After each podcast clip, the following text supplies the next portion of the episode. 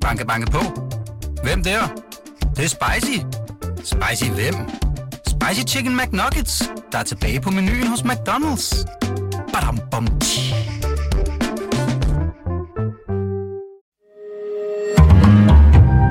Berlingske.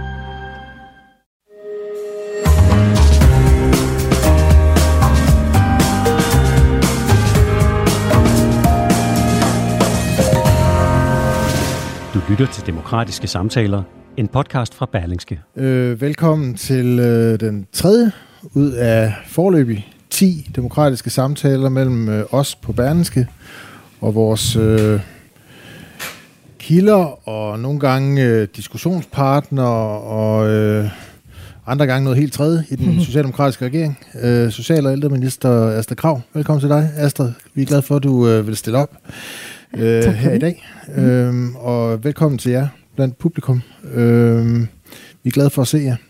Øh, vi øh, er her for en Teams samtale.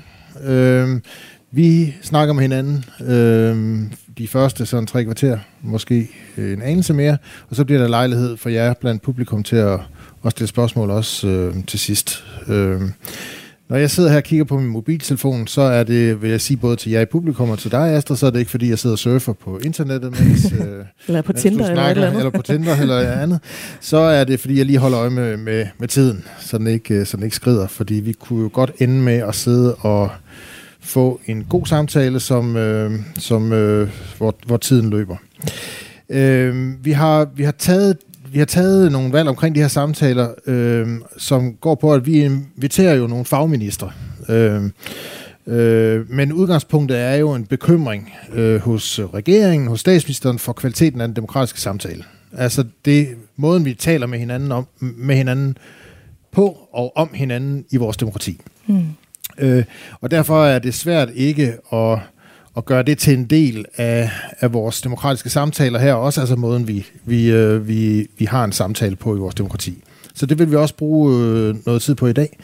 Øh, vil jeg bruge noget tid sammen med dig på. Og så dykker vi ned i nogle af de øh, sager og områder, som du beskæftiger med i den anden del. Yes. Øh, ja, godt. Jeg vil gerne starte et sted, øh, Astrid Krav, øh, med øh, at gå lige på hårdt i virkeligheden med din sociale medieprofil. Mm. Øh, fordi den, den, øh, er, den er der nogen, der sådan har bemærket. Øh, og det, det tror jeg måske du, godt, du selv ved. Øh, og jeg, jeg vil starte med at tage et, øh, et, et, et billede op, jeg har nubbet fra din Facebook-profil. Yes. Og det er, det er sådan den seneste, det er den seneste, øh, hvad jeg vil kalde triste og bekymrede politiker-selfie på din væg. Mm. Øh, men, jeg, men jeg tror, jeg tror, og jeg har ikke, jeg har ikke, jeg har ikke dokumentation for det. Jeg tror muligvis, jeg sidder herover for Danmarks rekordindehaveren i, i triste politikers selfies. Øh, øh, det, det sker i hvert fald ofte. Det her er i forbindelse med øh, Venstre øh, og, og den såkaldte velfærdslov, øh, da den blev Mm. trukket tilbage, Mm. øh, og hvor I i Socialdemokratiet var ude sådan og, og, og, og spinde den historie, øh, som man jo gør, og det gør alle jo, øh, at det her var et svigt af Venstre. Øh, og det gjorde du så også. Øh, Venstres tomme løfter giver jeg ikke meget for. Det lød for godt til at være sandt, og det var det så også. Venstre ved, hvor man har Tja. Og så skriver du til sidst, del eller like opslaget, hvis du ligesom jeg også er kæmpe skuffet over Venstres store velfærdsbedrag. Det var sådan en, et, et, talepunkt, man, der var sådan var genkendeligt for mange af jer i Socialdemokratiet øh, den pågældende dag. Øh, og så i flere, flere tilfælde, og jo også i dit tilfælde, som ofte før er ledsaget af, af, af den her type sådan trist, trist selfie. øh, hvorfor er du så trist, Astrid Krav? Jamen for det første tak for omsorgen. Øh, også tak for at invitere til samtale. Den er der jo ikke i øh, hverken mit gebet eller dit gebet sådan synderligt meget plads til i hverdagen. Og, og det er der, vil jeg bare lige sige, nu hvor vi er ved det, det, det sådan, hvordan øh, formmæssigt, øh, jo øh, noget ærgerligt over, at tempoet er så højt, og formaterne er ikke til, at man har samtalen. Så, så bare lige for os at være den høflige gæst, der takker for, for invitationen. Og så har jeg faktisk for nylig fået nogle tal på det der, øh, med de der selfies, og jeg, jeg kan faktisk ikke huske, hvilke medier der bragte det, eller hvem der har lavet tallene, men, men øh, man kan jo eftertjekke bagefter, om det er noget, jeg finder på. Øh, der kom i hvert fald en historie for før påske, tror jeg, om, at jeg var den lykkeligste minister i regeringen, når man kiggede okay. på mine selfies. Øh, det kan så være, at det var på Instagram. Mm. Øh, så bare for at sige, øh, øh, det er ikke sådan, at jeg så går du rundt er i- også i godt humør en gang jeg er ikke kun kronisk nedtrykt, men okay. det er klart, når, øh, når, der, øh, når der sker ting i, i politik, som, øh, som jeg er uenig i. Jeg vil, det, du siger trist, jeg vil også sige, at det kunne også være et, øh, et alvorligt ansigt. Øh, og så vil jeg jo øh, øh, også, jeg ville heller ikke have stået og være stor smilende, hvis jeg havde diskuteret med en, en venstrepolitiker, en kollega fra Venstre, øh, om det svigt, som jeg mener, det er når man gik til valg på øh, og ville sikre velfærden, da pengene følger med demografien. De lavede endda et hashtag under valgkampen, øh, som, som, øh, som skulle garantere danskerne for, at det ville de også leve op til. At man så vælger at, øh, at forlade det løfte, det er jo ikke øh, noget, der er grund til at stå og være voldsomt storsmilende over. Det er faktisk bekymrende og trist, ikke mindst for de borgere, som det kan komme til at have store konsekvenser for. Men det ved vi jo godt, Astrid Krav. Vi ved jo godt, at Venstre, øh, eller de borgerlige partier, står på et synspunkt her, og Venstrefløjen står på et andet synspunkt. I står på et synspunkt her omkring, øh, omkring øh, spørgsmålet om, hvor meget man skal sådan skyde ind i, øh, i, øh, i den offentlige velfærd i de kommende år i forhold til den demografiske udvikling osv. Øh, det ved man jo godt. Øh, I virkeligheden er jeg lidt interesseret i at få at vide, hvorfor er det præcis den her måde, øh, du kommunikerer på omkring de her ting. Fordi når vi taler om kvaliteten af den offentlige samtale, så må man selvfølgelig stille sig det spørgsmål, hvad bidrager den her måde at kommunikere på på sociale medier i dine øjne til den demokratiske samtale med? Øh, er der noget godt, vi kan hente ud af det der som, øh, som borgere i vores samfund? Mm. Jamen, jeg, jeg er faktisk i udgangspunktet ikke enig med den præmis, du lægger ind, der hedder, at øh, det ved vi jo godt, at Venstre de faktisk ikke øh, mente det alligevel, da de gik til valg på et velfærdsløfte, øh, som jo øh, skulle betyde, at midlerne skulle følge med demografien, i modsætning til den politik, man faktisk førte. Det, det sidste danskerne har hørt fra Venstre omkring, det var jo som sagt storstilede kampagner i en valgkamp, annoncer, hashtags osv. Så den der præmis med, at, at det vidste folk jo godt, så hvorfor skal du gå ud og fortælle dem noget, de godt ved, den er, den er faktisk ikke, ikke enig med dig i. Og så er det klart, øh, man kan sige, at medierne er jo ikke det eneste sted, vi har øh, øh, at kommunikere øh, med, med hinanden på i, i det her land. Øh, og, og der øh, er øh, en vej, det er jo at skrive et læserbrev, øh, hvor, jeg, hvor jeg gør danskerne opmærksom på, hov, der var faktisk nogen, der sagde et i forbindelse med valgkampen, stillede jeg en ting i udsigt. Nu har de så ikke til sinds at levere på det. Det vil sådan være den klassiske. Og, og så vidt jeg husker, da jeg startede med at skrive min første læserbrev, jeg tror det første, der var jeg 15, og det jeg tror overskriften var, der er mad nok til alle i verden, eller et eller andet. Øh, der bliver jeg bedt om at sende et lille billede ind, så du kan komme et billede øh, med mig ved siden af læserbrevet. Hvis jeg ikke tager meget fejl, så er dine klummer også øh, øh, prydet af, øh, af, jeg ved faktisk ikke, om det er et billede eller en selfie. tegning. Ikke en selfie, det er, måske sige. det er en tegning eller hvad. Ja, nogle, ja, nogle Men i hvert fald, der, på den måde, ja. der er ikke, det er jo ikke så underligt, øh, og i virkeligheden er det ikke så nyt, det her med, at når vi siger noget, når vi mener noget, når vi, når vi står her, eller når vi står i forsamlingshuset, så er vi der jo i kød og blod. Mm. Øh, når man skrev et læserbrev tilbage i 90'erne, Mm.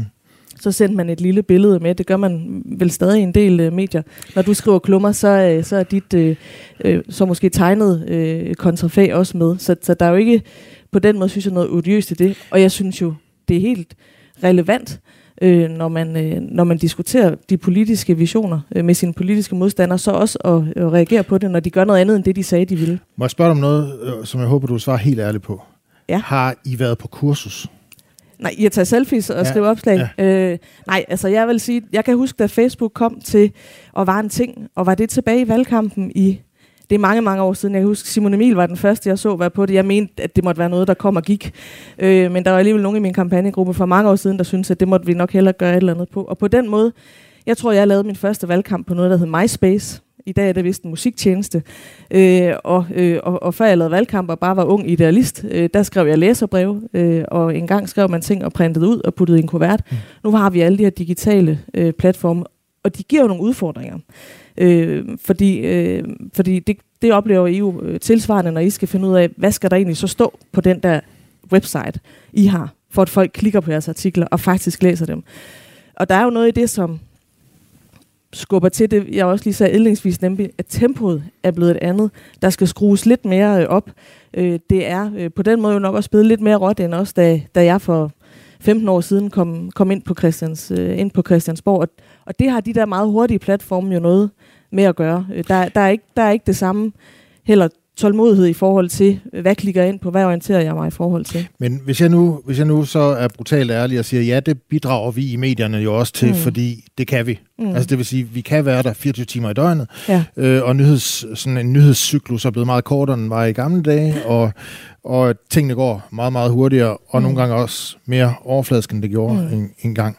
Øh, kan, man, kan man så ikke sige, altså bidrager I ikke til det, mm. ved at bruge sociale medier på den her måde. Fordi man kunne jo godt sige, skulle man se ked ud af det over, at der er nogen, der mener noget andet end en selv? Man kunne jo også sige, at det er jo sådan set hele demokratiets kerne. Det er jo det er rigtig godt, at øh, meninger brydes. Det behøver man ikke øh, se trist ud over. Nå, men det er jo ikke så meget det, at, at, øh, at Venstre øh, mener, som de gør. Jo, det er jo trist Jamen, nu, af i den nu, forstand. Nu er det her jo et eksempel. Det er ja. ikke den eneste selfie, du har Nej, men, har men, øh, men, men det er jo et udtryk for den bekymring, det giver mig for de borgere, det her kan ende med at ramme. Men jeg vil da gerne sige, vi bærer et, et gensidigt, eller begge parter bærer et ansvar. Jeg tænkte sådan, inden jeg kommer til, hvis, hvis jeg skulle give det her arrangement øh, et, en overskrift for vores samtale, øh, så, så, så tænkte jeg, så skulle det hedde Boblen og de blinde pletter. Øh, og det handler jo øh, om, øh, at jeg oplever, at der simpelthen er nogle områder øh, i vores samfund, det er både emnemæssigt, det er geografisk, som øh, jeg tror, der er det her udtryk, at det er nyhedsørkner. Mm. Øh, det, øh, det, det, øh, det er et problem, det er også et demokratisk problem, og det bliver forstærket af, at, at medier og politikere i høj grad kan opholde sig inde i en boble, og så er det rigtig vigtigt. Og så har vi en Twitter-verden, hvor det fylder mere, at ja, helt aktuelt, da vi indgik en af de første øh, store politiske aftaler på mit område, hvor vi fordelte over 700 millioner kroner til de mest sårbare grupper i vores samfund, øh, der kom der et medie, og det var et fagmedie for at dække det pressemøde. Det skal så også siges, at Ritzau var blevet hacket den dag, tror jeg. Altså, de, som, de kunne teknisk ikke komme og dække det. Det var også voldsomt uheldigt, selvfølgelig. Men samme dag var der, øh, eller samme periode var der i hvert fald øh, en intens dækning af et eller andet Twitter-diskussion mellem øh, Anders Samuelsen og Søren Pind. Øh, og den der boble, som vi jo også kan blive suget ind i, mm. øh, og som også kan give dækning og synlighed, som jo også er noget af det, politikere øh, har brug for, ligesom vi har brug for noget at skrive om, så har vi også brug for, at der er nogen, der skriver om det, vi går og laver og mener og gør.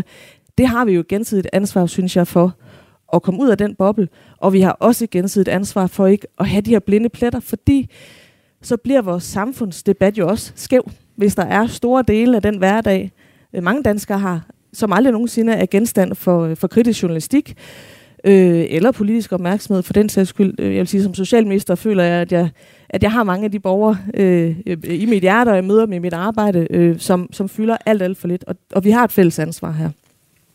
Synes du selv, du lever op til det ansvar? Det bestræber jeg mig på hver eneste dag, men jeg, jeg tænker sådan, øh, for inden jeg kan huske som nyvalgt, øh, der... Øh, der, øh, og jeg, jeg, kan, jeg kan ikke huske sagen, jeg har prøvet at tænke over det, men der var et eller andet, hvor jeg var meget uenig i noget, Søren Pind havde sagt mm. tilbage i, i, der, i, i, i slutnullerne. Og så ringede jeg til Ritzau og sagde, hvorfor jeg synes, at det var politisk dumt. Mm. Og så sagde Ritzau, det er spændende, spændende, du synes det, man har tænkt dig at gøre noget. Øh, og så lagde jeg på, og så tænkte jeg, åh, hvorfor skulle I ikke skrive det? Det var jo så skarpt, det jeg sagde. Så ringede jeg tilbage og sagde, jeg indkalder ham i samråd. Og så kom der et telegram om det. Så ja, selvfølgelig, øh, den der gensidige afhængighed, at øh, jeg har jo brug for, at der er nogle medier, der interesserer sig for både det, jeg mener og det, jeg gør.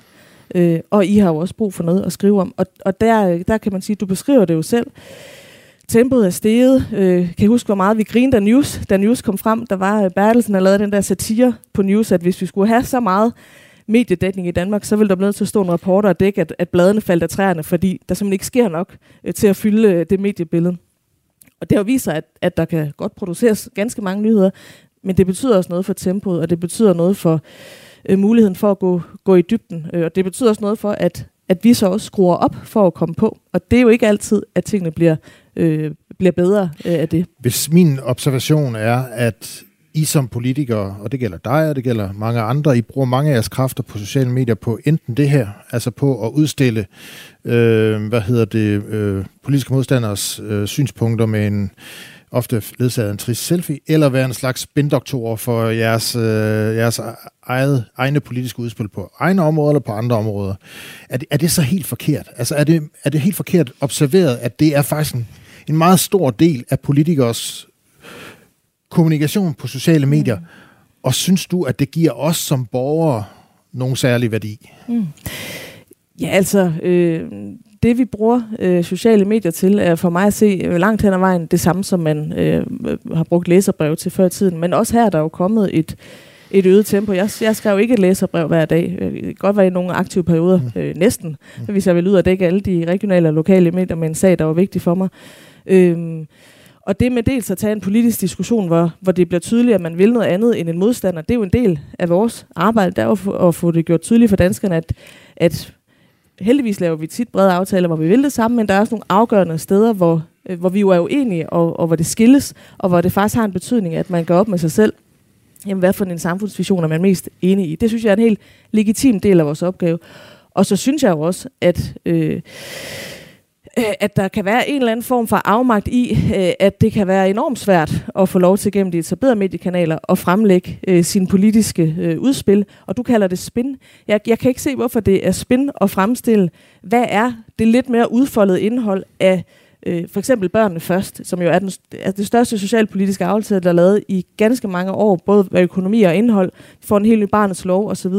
Den kom jo hurtigt i mediernes dækning til at være øh, handle om meget få af diskussionerne, vi skal snakke om det senere, ved jeg, men tvangsanbringelser, adoptioner og processpørgsmål, og rigtig mange af de andre elementer, som var i den meget store aftale, kunne aldrig nogensinde få en dækning øh, i medierne.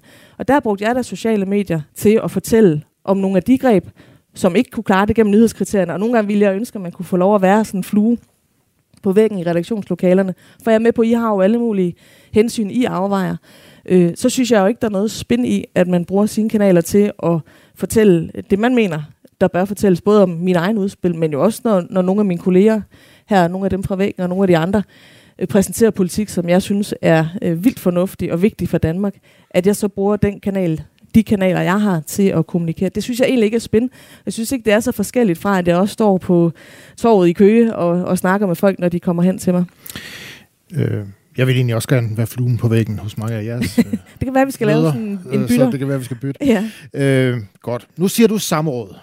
Og det bringer mig til det næste øh, tema, som handler om øh, din forgænger i embedet, Tyre Frank. Yes. Og hende skal vi tale lidt om, øh, fordi det jo er, øh, det er jo faktisk et, et tema, hvor du har været lidt i vælten for, hvordan du deltager i den demokratiske samtale. Så derfor er det, er det svært at komme, øh, komme udenom øh, emnet her. Mm. Øh, Tyre Frank var altså din forgænger mm. som ældreminister. Øh, hun havde jo ikke socialområdet, øh, som du har, men hun var ældreminister. Øh, bare lige sådan til en indledning. Er det fair at sige, at du gik hårdt til hende? Jeg gik utrolig hårdt til en regering, der ikke ville prioritere øh, ældreområdet, og jeg kan tydeligt huske den dag, hvor man lavede regeringsprogrammet, og Tyre kom til, og jeg gav øh, interviews til både DR og TV2, hvor jeg hilste hende velkommen. Hun havde jo været min kollega på Christiansborg tidligere, var ikke blevet genvalgt, nu kom hun tilbage og sagde, at hun ville få det utrolig svært i en borgerlig regering, der ikke ville lade pengene følge med det stigende antal ældre, hvor man ikke ville holde hånden under velfærden. Øh, at, at det var noget af en umulig opgave, hun havde fået, og det i virkeligheden ikke var særlig venligt gjort af Lars Lykke og Anders Samuelsen. Øhm, og, øh, og, og den kritik øh, står jo stadig fuldt ud på mål for, og det var jo også det, der var baggrunden for ganske mange af de politiske diskussioner, vi havde. Og jeg gik hårdt til, til den regering, og dermed jo også til den ældreminister, der var, men, men jeg havde altid øh, blikket på bolden og den politiske øh, diskussion. Og det er jo det, man skal. Jeg kunne sådan set ikke få lov til at diskutere de her emner øh, med andre. Hvis jeg skulle diskutere ældreområdet, øh, hvis jeg havde indkaldt Lars Lykke eller Anders Samuelsen selv, i samråd, så havde de jo sendt bolden videre. Sådan er det jo i en, øh, i en regering. Du, du, er blevet, du, er blevet, du, du er blevet anklaget for simpelthen at, at have mobbet din forgænger, mm. altså i, i embedet. Kan, kan, du slet ikke, kan du slet ikke genkende det som noget reelt? Nej, det synes jeg ikke. Jeg, øh, jeg, jeg har altid øh, gået efter bolden, og ikke efter manden. Og jeg har jo også selv kigget på, kvinden, på de... var det her. Ja, det var så kvinden. Manden, MK, øh, øh. i den her tid med flydende køn. Øh, kvinden. Øh, og jeg synes jo, det var øh, øh, jo... Øh, øh, også ærgerligt at se. Altså, jeg, jeg, apropos det der med boblen og virkeligheden, og at hvis vi politikere ikke kommer ud i virkeligheden, øh, så får vi nogle blinde pletter, så bliver vi dårligere politikere. Hvis, hvis I medierne er for meget inde i, det kan være en stor boble, øh, det kan være en segmentboble, en Christiansborg-boble, så, så, bliver det, så bliver det for, for dårlig en kvalitet af den dækning, vi får. Jeg havde det jo også sådan med, med Tyre Frank, at jeg i virkeligheden ville ønske, at, at plejehjemstyre øh, at ministerstyret havde lyttet lidt mere til plejehjemstyre, og at nogle af de øh, budskaber, hun turnerede rundt i landet med, før hun blev minister, øh, at, at, vi, at vi var blevet præsenteret for nogle af dem i, i ministerkontoret. Var det derfor, I, øh, du øh, på et tidspunkt øh, stillede krav om en undersøgelse af, hvorvidt hun begik dokumentfalsk i sin tid som plejehjemsleder. For det, det nåede jo faktisk dertil. Det nåede jo til, at I krævede, krævede en undersøgelse af, hvorvidt hun begik dokumentfalsk. Det kan vel ikke sige, at, sige at være bolden. Det er vel kvinden i går ja, efter det var, jo, det var jo diskussionen omkring, øh, hvad virkeligheden egentlig var på Lotte. Og det er derfor, jeg mener, hvis plejehjemstyre havde vundet over ministertyre, så skulle hun jo fra starten have sagt til de her øh, Samuelsen og Lykke og dem, der stod for den økonomiske politik i den regering, det er jo ikke rigtigt, når vi har gået og sagt med henvisning til Lotte, at vi kan få mere for mindre. For jeg havde faktisk flere penge. Jeg havde flere penge til driften, jeg havde flere penge til, til maden. Og det var jo ellers den fortælling, hun var blevet brugt til at lave. Og derfor var det relevant at, at se, hvad var det egentlig, der var med driften af Lotte. Og der var jo problemer, må man sige, med, med arbejdspladsvurderinger. Der var problemer med medicinhåndtering. Øh, og det var da relevant nok at høre, om den øh, så daværende nye ældreminister synes, at det var sådan, det skulle være. Lad os lige prøve at få nogle data på bordet, fordi dem har vi også afdækket i Berneske for, for et stykke tid siden, mm. der var diskussion af det her. Øh, øh, og, og det er i virkeligheden, det er jo lidt med afsæt i det, du også sagde med Søren Pind. Altså, hvad virker, og hvad virker ikke for dig som politiker? Mm. Øh, fordi vi har skrevet, at da der var gået, jeg tror, halvanden måned efter, at Tyre Frank var, øh, var udnævnt som ældreminister, så havde du skrevet 16 kritiske Facebook-opslag rettet direkte mod hende øh, og hendes politik, øh, eller måske mangel på samme. Mm. Øh, og hun var blevet indkaldt til tre samråd. Øh, hun skulle svare på tre udvalgsspørgsmål og 12 paragraf 20 spørgsmål. Altså på halvanden, den første halvanden mm. måned, hun var minister. Hvis nu jeg skal sådan tænke tilbage på, hvad statsministeren i virkeligheden har sagt om den demokratiske samtale, og hvad der er galt med den, er det ikke præcis den slags, som Mette Frederiksen har, har været ude og kritisere øh, når hun har udtrykt bekymring for den demokratiske samtale. Altså præcis det her, det her politiske spil med samråd og, og paragraf 20 spørgsmål, og hvordan man jager hinanden som, øh, som politikere i henholdsvis regering og opposition. For det første vil jeg sige, at jeg tror, at der var nogen, der lavede en optælling af, af antallet af samråd og, øh, og, og sammenlignet med min første tid som, øh, som sundhedsminister øh, øh over det første halvår eller noget den dur. Der, der, der mener jeg, at konklusionen var, at, at jeg havde haft mere at se til end, end Tyre Frank. Det er jo så ikke en del af, af, øh, af historiefortælling eller, eller spin, eller hvad du, øh, hvad du vil definere det som. Når vi er folketingspolitikere, så har vi jo nogle forskellige værktøjer. Når jeg er minister, så har jeg blandt andet det at drive forhandlinger, som kan føre til ny lovgivning. Og når man er i opposition, så er en af ens opgaver, også i henhold til grundloven jo, at kontrollere regeringen. Og de værktøjer, vi har der, det er samråd, og det er paragraf 20 spørgsmål, og det er udvalgsspørgsmål. Så der er jo ikke øh, hverken noget illegitimt eller noget øh, hetsagtigt i at bruge de værktøjer til at kontrollere regeringen. Nu fik vi en regeringsrokade, hvor det skulle hedde sig, at øh, nu skete der noget nyt på ældreområdet. Det man kunne se, når man kiggede efter, var, at der skete ikke så meget nyt, for man havde ikke tænkt sig at ændre politik. Øh, det var ansigterne, der var ændret.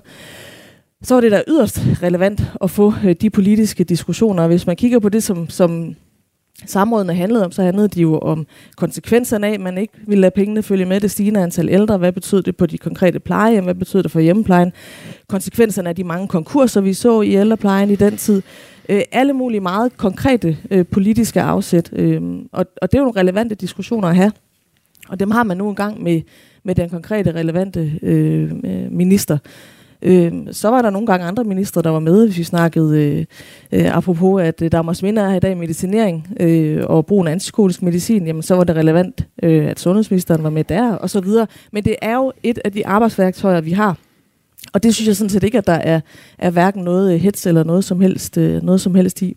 Heller ikke, når det så antager de dimensioner, det gjorde dengang, fordi det er vel ikke tilfældigt, at, at sådan offentligheden har haft opmærksomhed på, øh, hvordan øh, forholdet mellem dig og Tyre Frank udspillede sig i hendes øh, relativt korte ministerperiode.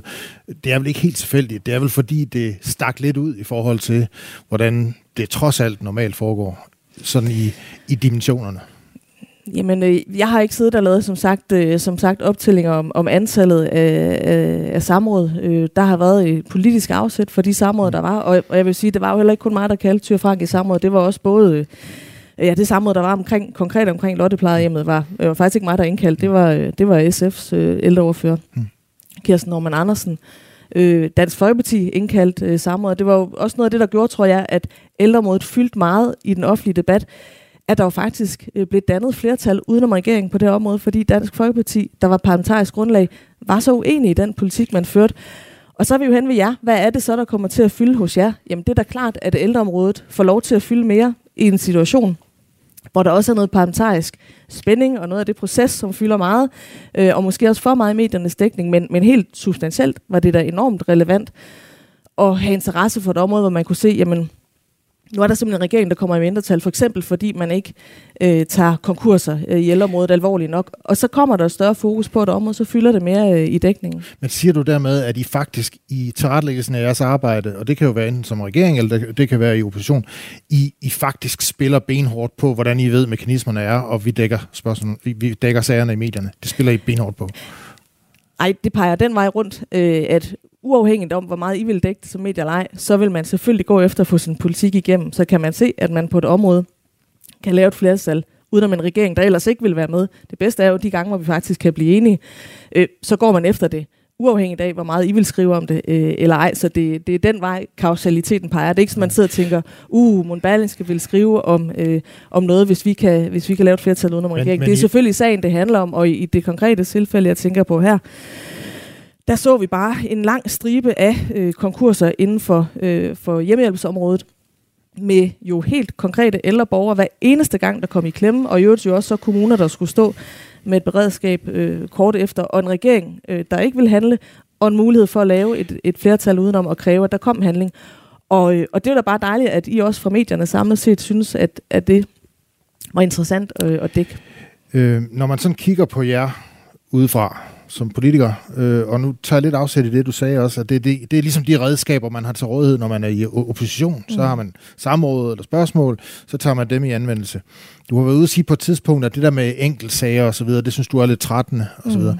Mm. Øh, men, men det var vel en slags enkeltsagspolitik, du selv bedrev som oppositionspolitiker. Hvis nu siger, at du faktisk, det var sagerne, der styrede det, så var det vel en slags enkeltsagspolitik, du bedrev, øh, også over for Tyre Frank.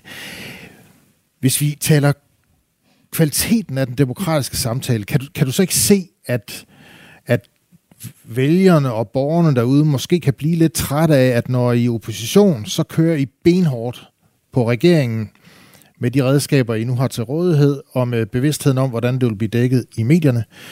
Når I så selv kommer i regering, så udtrykker I en stor og dybfølt bekymring for kvaliteten af den demokratiske samtale. Og om nogle år, når I er i opposition igen, så rollerne byttet om mm. på ny. Øh, er der ikke et selvstændigt problem i det, Astrid Krav? Altså for det første, så vil jeg sige, øh, det at reagere på, at vi kan se, der sker striber af konkurser, det er jo ikke udtryk for en enkelt sag, det er udtryk for, at der er øh, nogle svagheder i et system, og der er øh, nogle borgere, der kommer i klemme, øh, og det er et politisk ansvar til at sige, det må vi da handle på.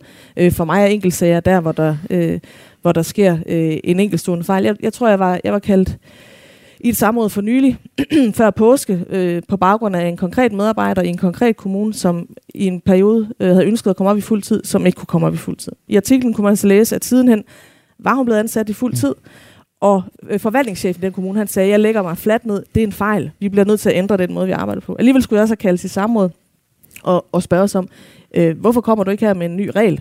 Øh, og jeg måtte jo sige, at problemstillingen synes jeg faktisk er generelt relevant, men i den her konkrete enkeltsag kan vi jo se både for den konkrete medarbejder, hun er nu på fuld tid, og den ansvarlige forvaltningschef ligger sig fladt ned og siger, det vil han da gerne indrømme og vedstå, så de har fået indrettet sig på en deltidskultur. Og det kræver noget af dem, hvis de skal ændre det til en fuldtidskultur. Så, så der vil enkeltsags øh, styring være, hvis jeg så havde pisket min embedsmænd til at sige, at vi bliver nødt til at finde noget øh, central styring, en ny lovgivning, en ny regel her, fordi jeg kan lide samråd på, på en enkelt sag. Og det skal vi lade være med. Det skal vi på ældreområdet, og det skal vi, øh, det skal vi generelt. Øh, så det vil du også lade være med, når du engang kommer i opposition? Det må du meget gerne øh, holde mig op det, på. Det, det ja, helt, helt, helt præcis. Jeg ved ikke det der med at øh, og, øh, i øvrigt, og så ringe og, og synes, man, man har øh, formuleret noget så skarpt, at det bør I bringe jeres spalter, og man så får at vide, at det ikke er nok, og så vender man tilbage og har indkaldt øh, i, i et samme. Og det kunne også være, at vi kunne give øh, håndslag på, at mindre også kunne gøre det i, øh, i den sammenhæng. Så. Det, det er klart, der er rigtig meget at diskutere der. Tyr Frank siger selv, at hun fik det så dårligt øh, over det her forløb. Øh, at hun senere fortalte, at hun faktisk havde kvalme hver dag, når hun øh, gik på arbejde som minister. Hvordan har du det egentlig med det? Jeg synes, det var en fuldstændig umulig opgave, som Tyre Frank fik. Det sagde jeg jo lige fra starten, da hun trådte til, at det var en umulig opgave at give øh, en ældreminister i en regering, hvor man ikke øh, vil sikre økonomien på ældreområdet. Jeg har også læst det der interview, og det er jo øh, ikke mig, hun siger, der giver sig kvalme, men den måde, medierne behandlede hende på. Øh, det mangler ligesom lidt i, øh, i, i den refleksion, der er omkring det. Jeg, jeg har aldrig givet Tyre Frank et øgenavn, men det var der medier, der gjorde. Øh, så jeg synes jo mest af alt, at det var, at det var tagligt af øh, Anders Samuelsen og Lars Lykke øh, og udnævne en ældreminister, som ikke havde et politisk øh, projekt, fordi man kan sige plejehjemstyre, som vel var kendt og, og, og elsket som lidt af en anarkist, det anarki var jo ikke at finde i det politiske projekt heller. Øh, øh, hele, hele den rusken op øh, i et område, som er overstyret, øh, hvor der er for mange regler, for meget byråkrati. Øh, hvad kom der ud af det? Jamen, Thyre Frank, hun nedsatte en en, ikke engang en arbejdsgruppe, men et ekstern konsulentbyrå, som skulle lave en regel gennemgang. Øh, det brugte det her eksterne konsulentbyrå et år på. Ud af det kunne de pege på fire regler, der kunne fjernes, og vi endte med at fjerne en eller to. Det er jo meget langt væk fra den energi, der var i de, øh, den bogudgivelse, de foredrag, som, som Tyre Frank holdt, før hun, blev, før hun blev minister. Godt. Så hopper vi over til nu at begynde at snakke om dit eget virke som Yes. minister. De her Øh, fagområder, fordi, som gerne måtte fylde fordi, noget øh, fordi du øh, har så måske været heldig, øh, ikke alene at være ældreminister, men også blive socialminister. Øh, Faktisk den anden vej rundt. Øh, ja, jeg er klar over det. Men, men, øh, men, men, men ikke desto mindre, så kunne vi jo også øh, på et tidspunkt skrive, at, øh, at noget af det, du kritiserede Tyre Frank for, det var jo at simpelthen have fremsat for lidt. Altså lave for lidt lovarbejde. Og der kunne vi jo så godt gøre, og nu er jeg godt klar over, at der er en ældrelov på vej, øh, men der kunne vi så godt gøre, at det stod sådan set ikke væsentligt øh, bedre til øh, med din aktivitet på ældreområdet. Nu taler vi ikke på socialområdet, men på ældreområdet. Øh, er, det, er det forkert? Jamen, jeg synes, at det er øh, en meget, meget, meget grundlæggende øvelse, vi har gang i med, med ældreloven nu, og det arbejde. Og det starter jo ikke øh, som sådan et barmarksprojekt. I vores allerførste finanslov afsatte vi midler til, at 30 kommuner er gået i gang med helt konkrete udviklingsindsatser, som jo øh, som har kørt de seneste år. Vi har haft to øh, store ældretopmøder, hvor der har været faglige spor kørende under. Alt det føder jo ind i det ældrelovsarbejde nu. Øh, det giver jo ikke meget mening at fremsætte lovgivning omkring det, før vi er kommet øh, i mål med det. Øh, så, så jeg vil sige, i modsætning til, i modsætning til, til, til, til Tyre Frank, hvor vi kan sige, vi har jo lige gennemgået, hvordan man arbejder med afbyråkratisering, der at man satte et eksternt konsulentbyrå i gang, og så gik vi ellers og ventede. Og vi ventede altså øh, stort set et år, øh, før, før vi så kunne diskutere det igen. For hver gang vi prøvede at diskutere, der er trods alt en regering, der sagde, at vi kan godt spare på kernevelfærden, fordi vi kan bare afbyråkratisere. Og når man sagde, spændende, hvordan, så fik man at vide, jamen det er der jo nogen, der er i gang med at, at lave en rapport omkring, så det kan vi diskutere til den tid. Øh, det, det vil jeg sige er noget anden tilgang til arbejdet, end faktisk at have fingrene nede i materien. Men ikke desto mindre er der folk, der synes, I har skyndt jer noget langsomt. Altså, øh, jeg, kunne, jeg kunne notere mig, at øh, Bjarne Hastrup, øh, direktøren for ældresagen, han var jo ude at bruge stærke ord i efteråret, for eksempel. Øh, det var blandt andet om mangel på, på medarbejdere i ældreplejen, øh, og så videre, hvor han faktisk brugte ordet, ordet en potentiel humanitær krise. Mm. Det er på din vagt, øh, Astrid Krav som ældreminister, en, en potentiel humanitær krise i ældresektoren. Mm.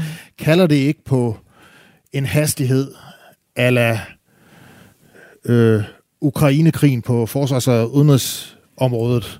Altså virkelig her og nu. Mm.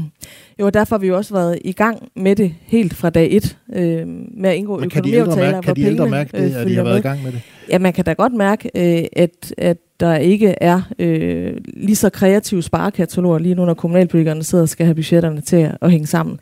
Øh, det er 4,6 milliarder, vi har løftet de første tre øh, kommuneøkonomiaftaler. I vores anden finanslov, den første var den her med udviklingsindsatserne, vores anden finanslov afsatte vi midler til 1000 flere medarbejdere i ældreplejen, men også til, at 1000 af de medarbejdere, der er i vores ældrepleje, og som er ufaglærte i dag, for dem er der jo ganske mange af, at de kan komme ind og blive faglært, altså enten hjælper eller assistent, og få ansættelse, når de er tilbage igen. Så vi har sådan set været optaget af rekruttering øh, hele vejen igennem. Øh, det er jo ikke noget, vi kan løse øh, alene. Øh, det er jo i høj grad også noget, som, øh, som vi skal øh, gøre sammen med kommunerne, og hvor de enkelte kommuner jo også skal ud og være kreative. Det er faktisk noget af det, der har fyldt rigtig meget, særligt under omikron-delen af øh, corona, for der begyndte man jo at være enormt hårdt ramt øh, i vores ældrepleje med mange sygemeldinger. Jo også når man skulle være i karantæne, men også da smitten spredte sig rigtig meget.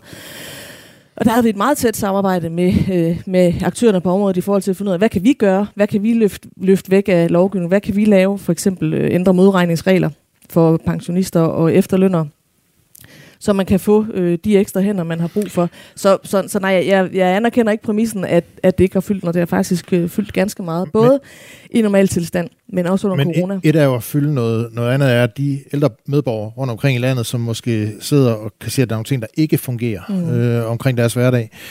Øh, kan du se dem i øjnene og sige, jeg har ikke ligget på den samme lade side, jeg anklagede Tyder Frank for. Mm. Øh, for der er, jo ikke, altså, der er jo ikke kommet en ældrelov endnu. Mm. Men, men jeg har bestemt ikke ligget på, øh, på den lade side.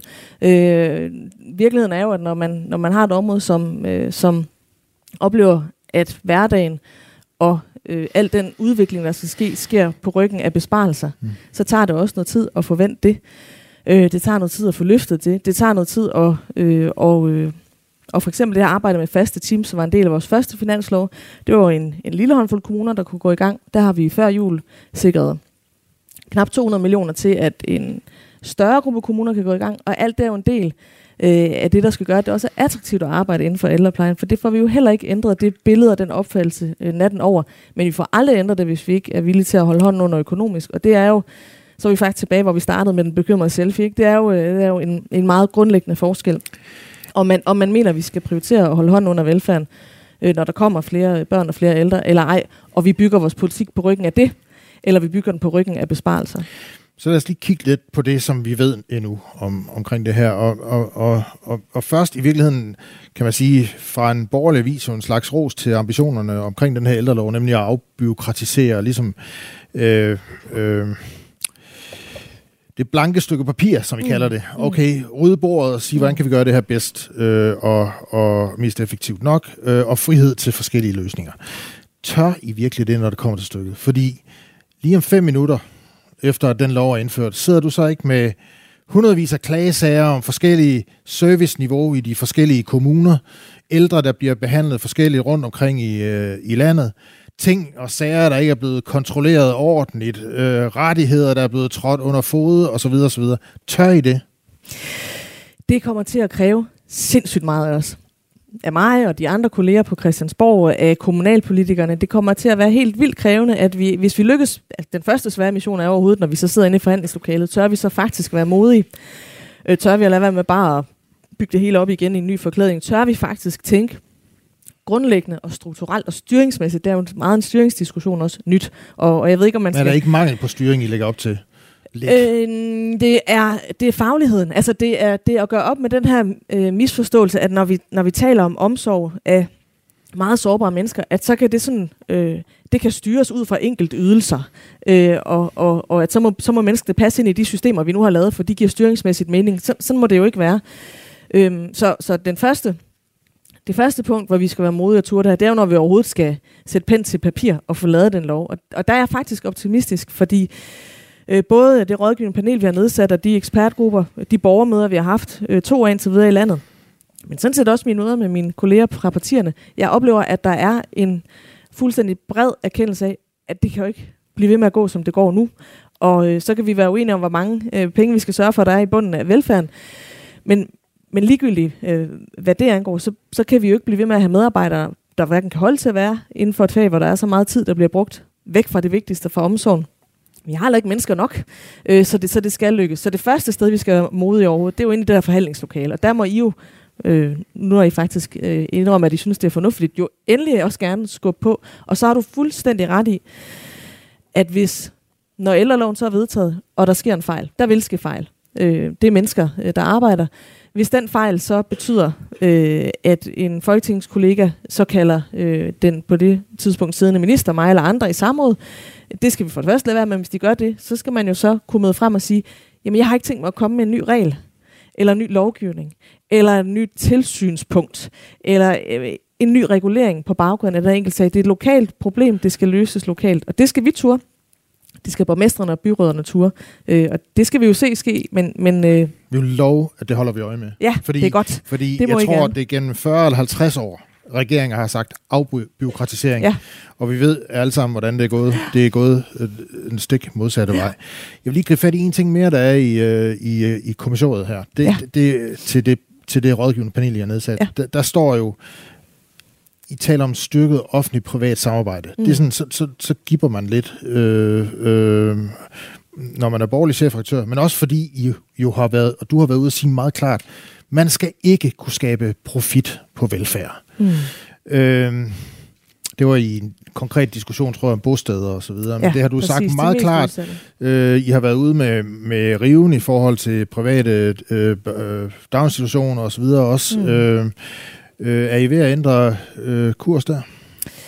Altså man kan sige, hele den diskussion øh, i forhold til, øh, det, det var nemlig rigtigt, det var en diskussion i forhold til botilbudsområdet, øh, hele det specialiserede socialområde, øh, hvor der jo er øh, stigende udgifter og begrænsede ressourcer, og nogle borgere, som er, øh, kan man sige jo, de er jo ikke kunder i en butik. Du kan ikke som anbragt barn sige, at det her botilbud, der synes jeg godt nok, vi får alt for dårlig morgenmad, og der bliver trukket udbytte ud til ejerne. Jeg kunne godt tænke mig, at det ikke altid kun var havregryn med skummemælk, men at der måske også i weekenden kunne være et glas juice. Så nu vælger jeg et andet bosted. Det kan man jo ikke, og det kan man heller ikke som multihandicappet borger. Der er du prisgivet øh, rammerne for det sted, øh, hvor du er, og derfor er der jo et, en, en, en, en ekstra, et ekstra ansvar for os i forhold til, hvad er det så for nogle rammer, der er for de steder. Der har vi jo set nogle meget grælde eksempler på, øh, på ejere af tilbud, der har trukket millioner ud. Og det er jo altså begrænsede velfærdskroner, som var tiltænkt nogle af de allermest sårbare borgere, vi har i vores samfund. Børn, der ikke kan bo hjemme ved deres forældre. Øh, mennesker med svære handicap. Og de midler skulle jo enten være gået til en bedre kvalitet for de borgere, børnene eller de handicappede, eller også så skulle de være gået til nogle lavere takster til kommunerne, så de kunne bruge de midler på velfærden Men, andre steder. Men nu, nu, øh, er det, nu spørger jeg så bare, er det så ikke snarere mekanismerne og strukturerne bag det at kunne øh, have private velfærdstilbud, som er forkerte, snarere end det er det er overhovedet at have privat velfærdstilbud. For jeg spørger, nu spørger jeg, vi har Majbjerg Ejby siddende her ja. øh, fra, fra, fra, fra Dagmar, plejehjemmet øh, Dagmars Minde. Det, det, er jo, det er ikke mit indtryk, øh, at, øh, at der er nogen humanitær krise øh, på, på Majs øh, plejehjem, mm. og det er et privat plejehjem. Mm. Øh, hvorfor være så øh, ideologisk bange for at gå ind af den dør, der hedder, at det faktisk kunne være meget sundt, at der også kom lidt, øh, lidt øh, forskellige tilbud, noget konkurrence øh, og nogle andre måder at gøre det på i velfærdssektoren herunder i ældres, ældresektoren. Men, men det er jo også et forkert billede at tegne, øh, at der ikke må være private tilbud. Altså på det specialiserede socialområde, der er de private tilbud jo faktisk født før vores velfærdssamfund, og derfor er der jo ganske mange af de tilbud, der bliver drevet øh, af øh, ja, som er selvejende institutioner, bliver drevet af, af nogle af de øh, store øh, øh, organisationer, vi har, som har en kæmpe viden, og som har en mulighed for at nå nogle af de her borgere, som er blevet svigtet af systemet så mange gange at dem, dem, dem, har, dem vil man have meget svært ved at nå. Så jeg anerkender jo til fulde, at det har en værdi, at der er forskellige aktører. Øh, det, jeg er ked af, hver eneste gang jeg hører om det, det er, når der bliver øh, trukket meget store summer ud af tilbudene, som var tiltænkt nogle meget sårbare borgere, som enten skulle være gået til kvalitet for de sårbare borgere, eller til at kommunerne øh, kunne betale nogle lavere takster, hvis det reelt var det, øh, det kostede at drive tilbuddet. Og derfor noget af det, vi så er endt med at aftale, som det jo bliver spændende at følge øh, i den aftale, der strammede op på reglerne her, er jo, at man skal, nu skal man så opgive, øh, hvor stort overskud har man, og hvor meget trækker man ud som udbytte. Fordi så kan kommunerne jo så, så får de så en mulighed for at sige, hvorfor er det egentlig, vi skal betale så høje takster og opleve, at budgetterne skrider her, og vi må spare på andre områder, for at I kan udbetale millionoverskud.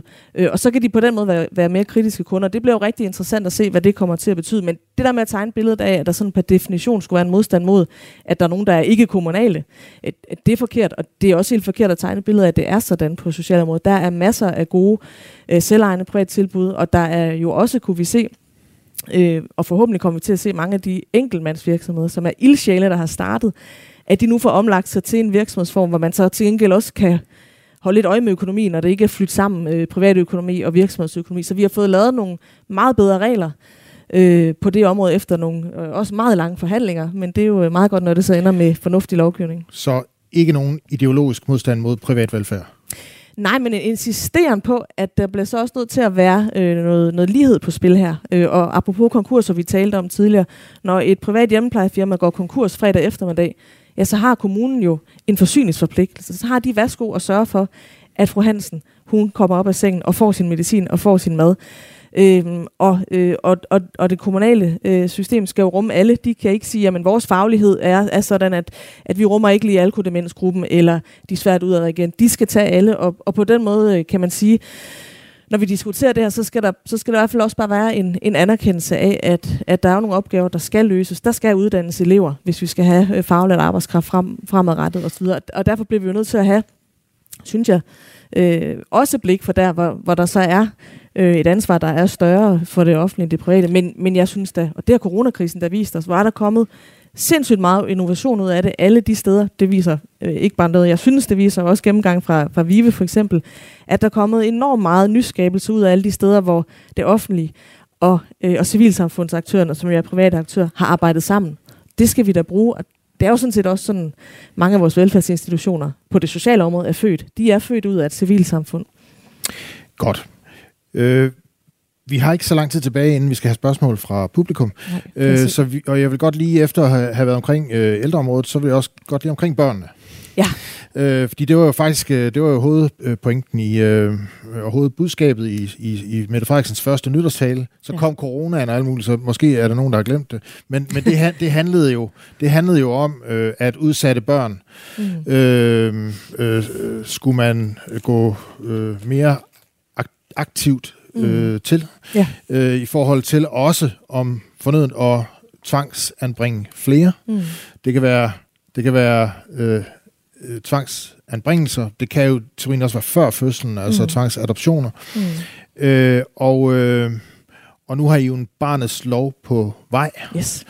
Øh, hvad er succeskriteriet? Hvor mange flere skal tvangsanbringes, for at du synes, øh, at den lov er en succes?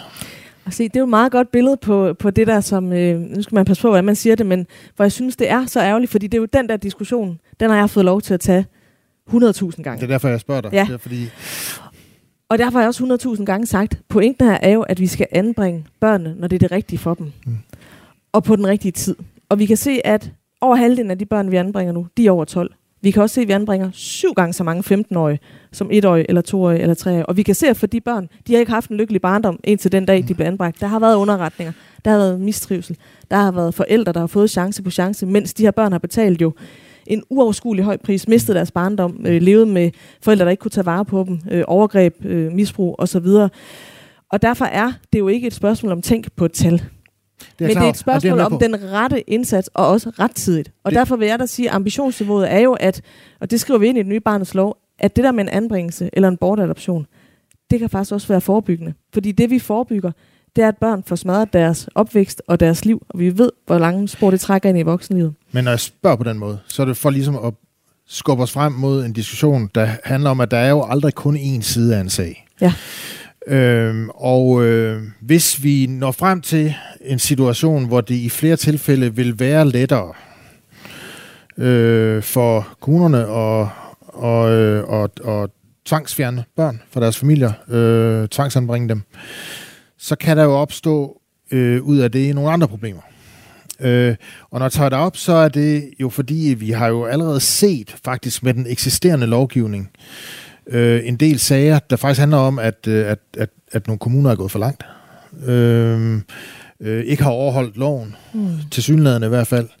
Øh, har undladt øh, og, og høre forældre tilstrækkeligt, er gået for vidt, simpelthen. Øh, vores kolleger på Radio 24 eller på 24 som den jo hedder nu, øh, har afdækket en del sager i Langland Kommune her for, for, for nylig.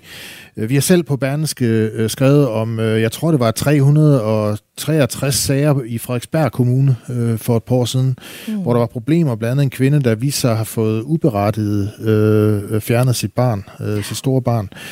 Øh, der har også, øh, der kører nu øh, på TV2 faktisk en serie om, øh, om familieretshuset og og hvordan, øh, hvordan man som forældre kan stå i en situation, hvor man faktisk føler, man ikke har nogen som helst retssikkerhed i forhold til mm. sine børn. Mm. Hvis I kommer med en barnets lov, der gør det meget nemmere, og, eller i hvert fald nemmere, øh, at, at, at skridtene til, at et barn bliver, bliver tvangsfjernet, øh, bliver færre, risikerer I så ikke i virkeligheden at skabe en situation, hvor der i langt flere tilfælde kan blive begået overgreb mod danske familier, hvor der faktisk ikke er grund til mm. øh, at tvangsfjerne. Uh, der var rigtig mange øh, spændende diskussioner af det, du sagde der øh, at tage, og familieretshuset er jo en, en diskussion i sig selv, og der tæller det jo i hvert fald om noget i de her højkonflikt skilsmissager, at der er aldrig kun én side af den sag. Og jeg er rigtig glad for, at vi har fået et skilsmissesystem, hvor hvor vi faktisk har som ambition ikke bare at afgøre tvisten mellem skilsmisseforældre, men faktisk at lære dem at være skilsmisseforældre, fordi ellers så bliver de ved med at vende tilbage med deres konflikter, det rammer børnene. Men det er en, en meget større diskussion, det kan vi tage øh, i en anden sammenhæng. Øhm, det er jo ikke fordi, at vi med barnets lov øh, slækker på, øh, på kravene i forhold til, øh, at, at det skal være godgjort, at det er det bedste for barnet øh, at blive anbragt. Og, og, og uden, at, øh, uden at, og må tilstå ikke at have, øh, have, have hørt hele dækningen, kun have, have læst noget omkring øh, historien om Langeland, hvor jeg jo er kaldt i samråd, så jeg får rig lejlighed til at sætte mig ind i det. Øh, øh, så noget af det, jeg øh, noterede, det var, at man for eksempel ikke har afholdt børnesamtalerne. Og det kan vi se på børnesagsbarometeret. Det er en af de procesfejl, der er allerhyppigst, det er, at man ikke får talt med børnene, når man skal. Og hele motoren i barnets lov, og hele det, der gør, at jeg tror, vi kan få hjulpet børn tidligere, det er, at det at snakke med barnet, det er ikke et proceskrav blandt andre. Det er det aller, aller mest afgørende.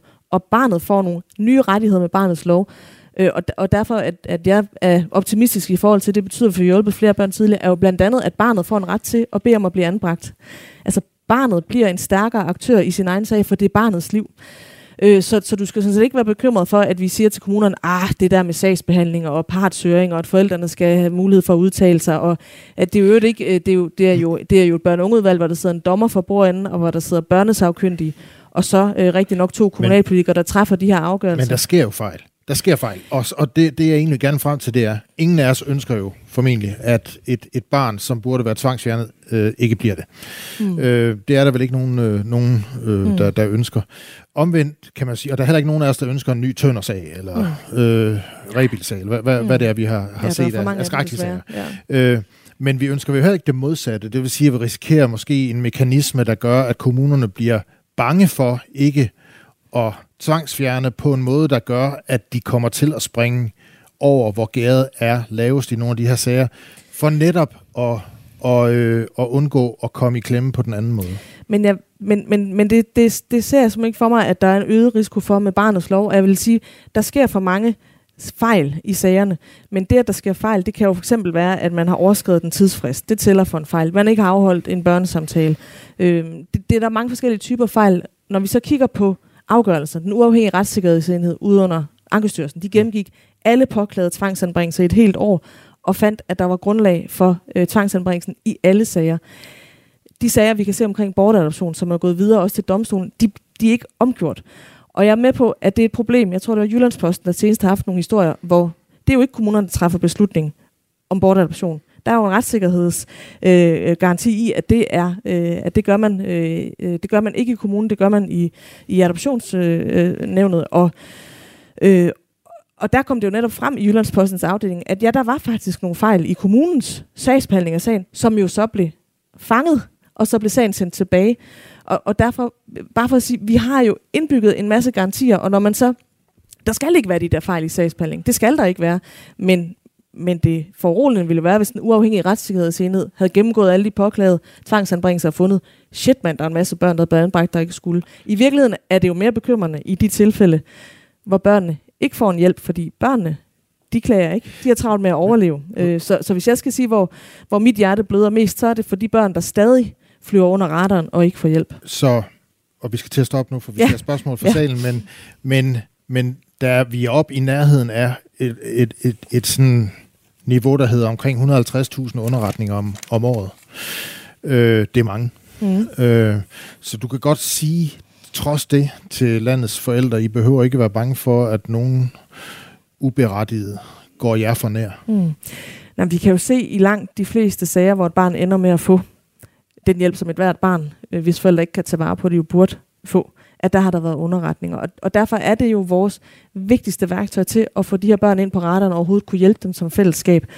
Øh, så nej, og selvfølgelig skal kommunerne være enormt dygtige til, når der er grundløse underretninger, og så få lukket øh, dem hurtigt. Og grundløse underretninger er jo ikke det samme som chikane. Det kan være en fuldstændig reel bekymring for, øh, om et barn bliver misbrugt, eller der er øh, øh, vold i hjemmet, eller alkoholmisbrug, eller, eller nogle forældre, der, der på grund af svær psykisk sygdom ikke kan tage vare på børnene.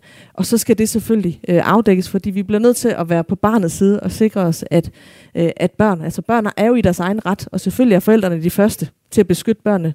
Men når de ikke kan, så har vi faktisk, det mener jeg både menneskeligt, det har vi søgt også konventionsmæssigt, en forpligtelse til at beskytte børnene. Godt. Tak skal du have for ja, samtalen.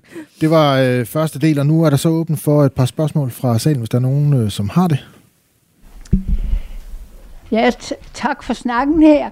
Øh, jeg er lidt interesseret i alle de mange ensomme ældre, der mm. sidder rundt omkring i hjemmet, og når det går rigtig galt, bliver indlagt, og der kender vi jo godt lidt til, hvad der så sker.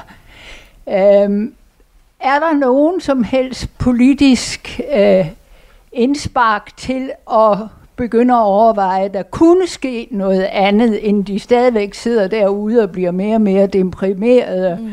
og ender med polyfarmaci? Og i øvrigt, hvis der er nogen, der har polyfarmaci, så er jeg kendt som en, der ikke går ordinær medicin. Tak. Jeg hedder A. Går på øvrigt. Skal, må det, jeg, jeg tror, det er dig. Ja, ja. Jeg tror, det er dig, der politiker, kan svare på det. Så skal man, jamen, det vil jeg gerne. Jeg sad bare og ventede, om jeg skulle ja. have en, øh, en, en, øh, en, nogle flere spørgsmål på en gang.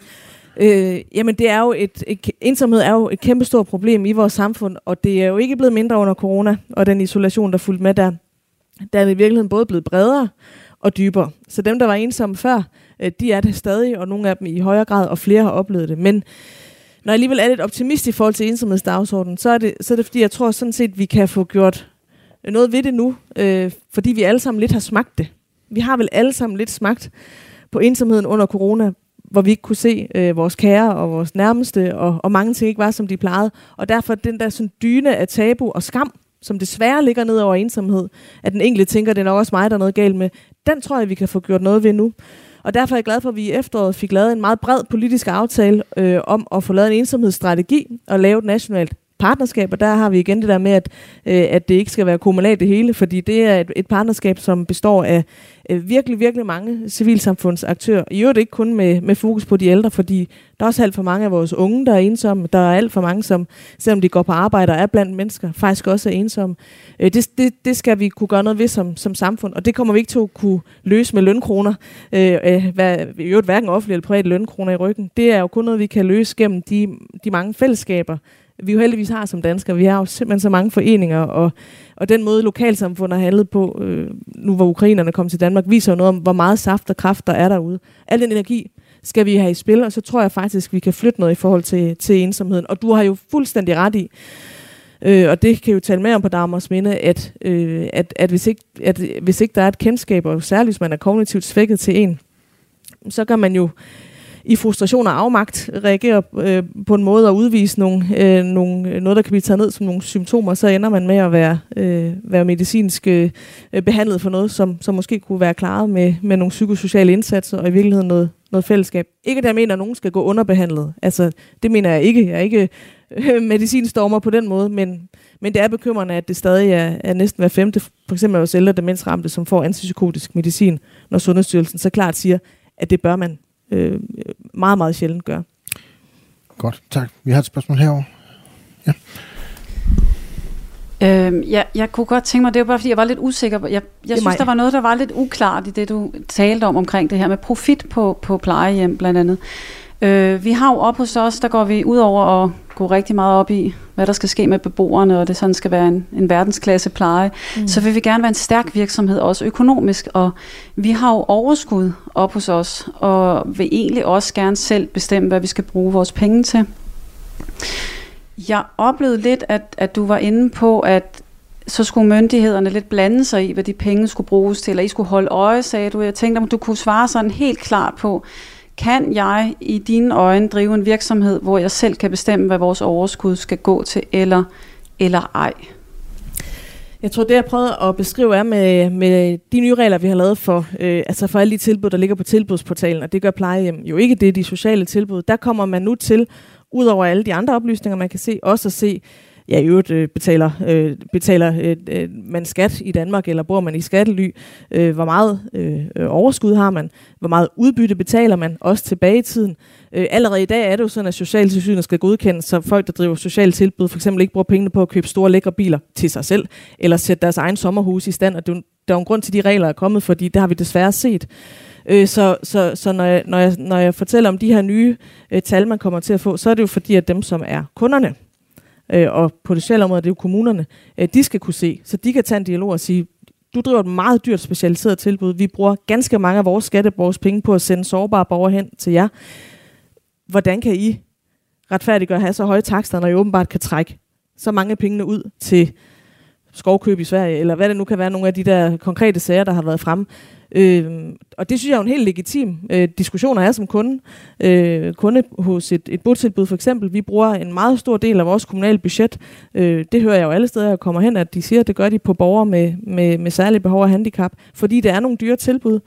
Øh, så er det jo også under forventning, at de tilbud er dyre, fordi pengene går til kvalitet for borgerne, og ikke fordi pengene går til at trække ud af tilbudene. Så jeg synes, det er nogle meget vigtige og, og det, det kan virke helt underligt, men det koster faktisk penge at få sådan nogle oplysninger offentliggjort, og jeg håber jo, at, at man så også kommunalt vil, vil benytte sig. Og, og du, jeg, jeg, jeg, jeg er ikke helt sikker på, hvordan jeres økonomi er, men, men hvis det er den gamle lovgivning, så er det nogle centrale takster, det stoppede man jo med at gøre, fordi det blev mere med en overbetaling i forhold til det generelle billede, så så du har vel også nogle, øh, nogle, nogle takster, øh, som forhandles med beliggenhedskommunen, eller et eller andet. Jeg, jeg ved ikke konkret, hvordan det er med jer, men der er jo nogle der er nogle forskellige rammer, der gør sig gældende, fordi det også er nogle forskellige, altså fritvalgsordning på hjemmepleje, der kan man jo stemme med fødderne og vælge en anden leverandør, øh, hvis man synes, at, øh, at den kommunale er, er for ringe. Øh, det er en anden type borger, og, og på den måde er økonomien jo skruet lidt forskelligt sammen. Men, men, men jeg tænker da, øh, øh, jeg tænker heller ikke, at der er nogen, der kan have noget imod på den måde, øh, og, og have offentlighed omkring, hvordan de forvalter. Det er jo vores allesammen skattekroner, som man forvalter i de her tilbud. Godt, vi kan nå et meget kort spørgsmål her, og så et kort svar, og så er klokken blevet fire. Jeg, jeg så på et tidspunkt et papir, som tilfældigvis var skrevet af Tyre Frank, og det handlede om seniorbofællesskaber. Øh, og når du snakker om ensomhed, så tror jeg, at vi er nødt til at tænke på nogle skridt, før en folk bliver elgamle og demente. Mm. Og jeg mener, det er Vive, der siger noget om, at lige så, nå, så mange demente, som der har været tidligere, fordi mm. at det er en ny generation af ældre, der er mere aktive. Der kommer igen flere demente, fordi der bliver så mange gamle. Mm. Når du siger flere varme hænder og alt sådan noget, det tror jeg ikke på. Fordi jeg tror, der bliver så mange ældre, øh, så lige meget, hvad I gør med penge, og det bliver mere øh, godt at være sociomedarbejder. Jeg tror ikke på det. Så jeg vil gerne have nogle kreative forslag. Hvad skal vi gøre, før vi kommer ud øh, på kanten. Mm. Øh, og jeg synes, det der med seniorbofællesskaber eller byggefællesskaber, altså at man ligesom får nogle flere folk draget ind for at hjælpe hinanden på et tidligere tidspunkt. Har du en mening om det? Ja, jeg synes, du har fuldstændig ret, øh, og at, øh, at det er jo noget af det, vi skal have øh, noget mere af. Altså den der... Øh, det der mantra om længst muligt i eget liv, som jo var et vigtigt opgør med, at man ikke bare skulle på institution, fordi man blev gammel, øh, at det, er jo, det er jo blevet sådan underlig, øh, altså det, det, øh, det er blevet en underlig dikotomi. Øh, jeg mener, vi har brug for mange flere, og det er også det der med nye former for offentlig privat samarbejde. Vi har da brug for mange flere forskellige hybrider imellem eget hjem og, øh, og plejehjem. Det kan være generationshus på tværs af generationer, det kan være seniorbofællesskaber, det kan være folk, der samles omkring en fælles interesse eller hobby det, det skal vi da se øh, blomstre langt mere, og en af de politiske aftaler, der er lavet under den regering, går nemlig ud på at få afdækket, er der nogle lovgivningsmæssige barriere for, at det ikke bare kan vokse frem øh, derude, så jeg er en til en enig i, i det, du sagde der. Godt, hvis vi kan gøre det på et minut, så er der lige et ekstra spørgsmål her, og så slutter vi. Så kommer vi over i en helt anden boldbane, fordi øh, jeg er et firma på Stævns. Jeg arrangerer øh, bryllupper for udenlandske øh, par, der bliver gift i Danmark og øh, specielt sætter jeg fokus på området. Øh, og vi har været i, med i mange år med at arrangere de her bryllupper for udenlandske par. Mm. Øh, og vi har fulgt familieretshuset fra start. Enheden blev oprettet for at forhindre proformaægteskaber i Danmark, men man skulle sikre bryllupsindustrien i Danmark. Ingen af de to formål er blevet overholdt. Enheden har ikke læst, løst sin opgave, og ganske få proformaægteskaber er blevet afvist, og i visse dele af Danmark er bryllupsindustrien gået i stå. Kommunerne har mistet mange penge, da gebyret går i statskassen, selvom kommunen skal stille med personale, giftefod og vidner. Gebyret er langt over det dobbelte af før, og alligevel får vi en uprofessionel behandling af enheden, Og når vi beruger klager, er det via et envejssystem, der ikke bliver lyttet til. Så sent som i dag har jeg nu fået at vide, at behandlingstiden er fire måneder. Jeg kunne godt tænke mig at spørge ministeren, om det vil være muligt at for at lette arbejdspresset i familieretshuset og hjælpe med en mere lempelig procedure at føre ansøgninger fra EU-borgere ud til kommunerne, der her sidder utrolig mange kompetente medarbejdere. Mm. Samtidig vil jeg spørge ministeren, om man synes, at succesen er opnået med hensyn til at opfange ansøgninger vedrørende proformaægteskaber. Mm. Yes. Der, jeg tror, 3 ud af 10.000. Ja, men det kan du jo ikke dømme det ud for de tal, fordi virkeligheden var, at, at det, kunne vi jo øh, det kunne vi høre fra Europol, at Danmark var blevet en bagvej ind i EU gennem vores bryllupsindustri. Øh, og det, at du siger, at der ikke er flere øh, blevet opdaget flere falske øh, ansøgninger, øh, som er proforma og dokumentfalsk, er jo for mig at se et meget godt udtryk øh, for, at det her, dem der arbejder systematisk, og som jo er, det er jo en meget stor lukrativ øh, industri, at, at få mennesker smuglet rundt i verden, og få mennesker ind øh, et sted, hvor de ikke har et opholdsgrundlag. Men de har set, jamen den dør er nu lukket i Danmark. Danmark har ikke længere en åben bagdør ind for folk, der egentlig ikke har legalt ophold i EU, at kunne få det. Og øh, at, øh, øh, jeg har ikke øh, de der nye tal, for det er jo noget, det flyt. Jeg var indrigsminister i starten, det rykkede med det ressourcer. Jeg har ikke de nyeste tal, men jeg vil bare sige, den første evaluering, vi fik, der vil jeg sige, ja, jeg er glad for, at vi lykkedes øh, med det. Jeg synes ikke, Danmark skulle være den bagdør ind i EU. Og så vil jeg sige, når det ikke bare er så nemt, øh, at sige, jamen, for EU-borgere, det må vi da kunne håndtere i kommunerne, så er det fordi, det er de steder, hvor vi ser rigtig meget dokumentfalsk. Øh, og derfor er det væsentligt, at man har en specialiseret viden i forhold til, du kan, en tredjelandsborger, som har falske EU-dokumenter, kan jo godt gøres ud for at være en EU-borger. Øh, så, så her synes jeg, at det er øh, helt afgørende, at vi fik lavet et system, hvor vi kunne få dæmmet op for, at Danmark øh, kunne være sådan en, en indgangsportal, illegal indgangsportal til, til EU, der blev, der blev misbrugt af kriminelle. Godt. Tak for det. Øh, klokken er blevet øh, lidt over fire, og øh, arrangementet er, er øh, færdigt. Øh, jeg vil gerne takke Astrid Krav øh, for at stille op øh, til den her samtale, og tak jer øh, blandt publikum for at være med her i dag. På bordene ligger der nogle sædler med datorerne for de næste arrangementer. Øh, tag dem meget gerne med, øh, og vi øh, vil selvfølgelig meget gerne se jer til nogle af de følgende arrangementer også i de kommende øh, to måneder her i, øh, i øh, salongen på toppen af Berneske. Så tak fordi I kom alle sammen. Selv tak, og dejligt rum.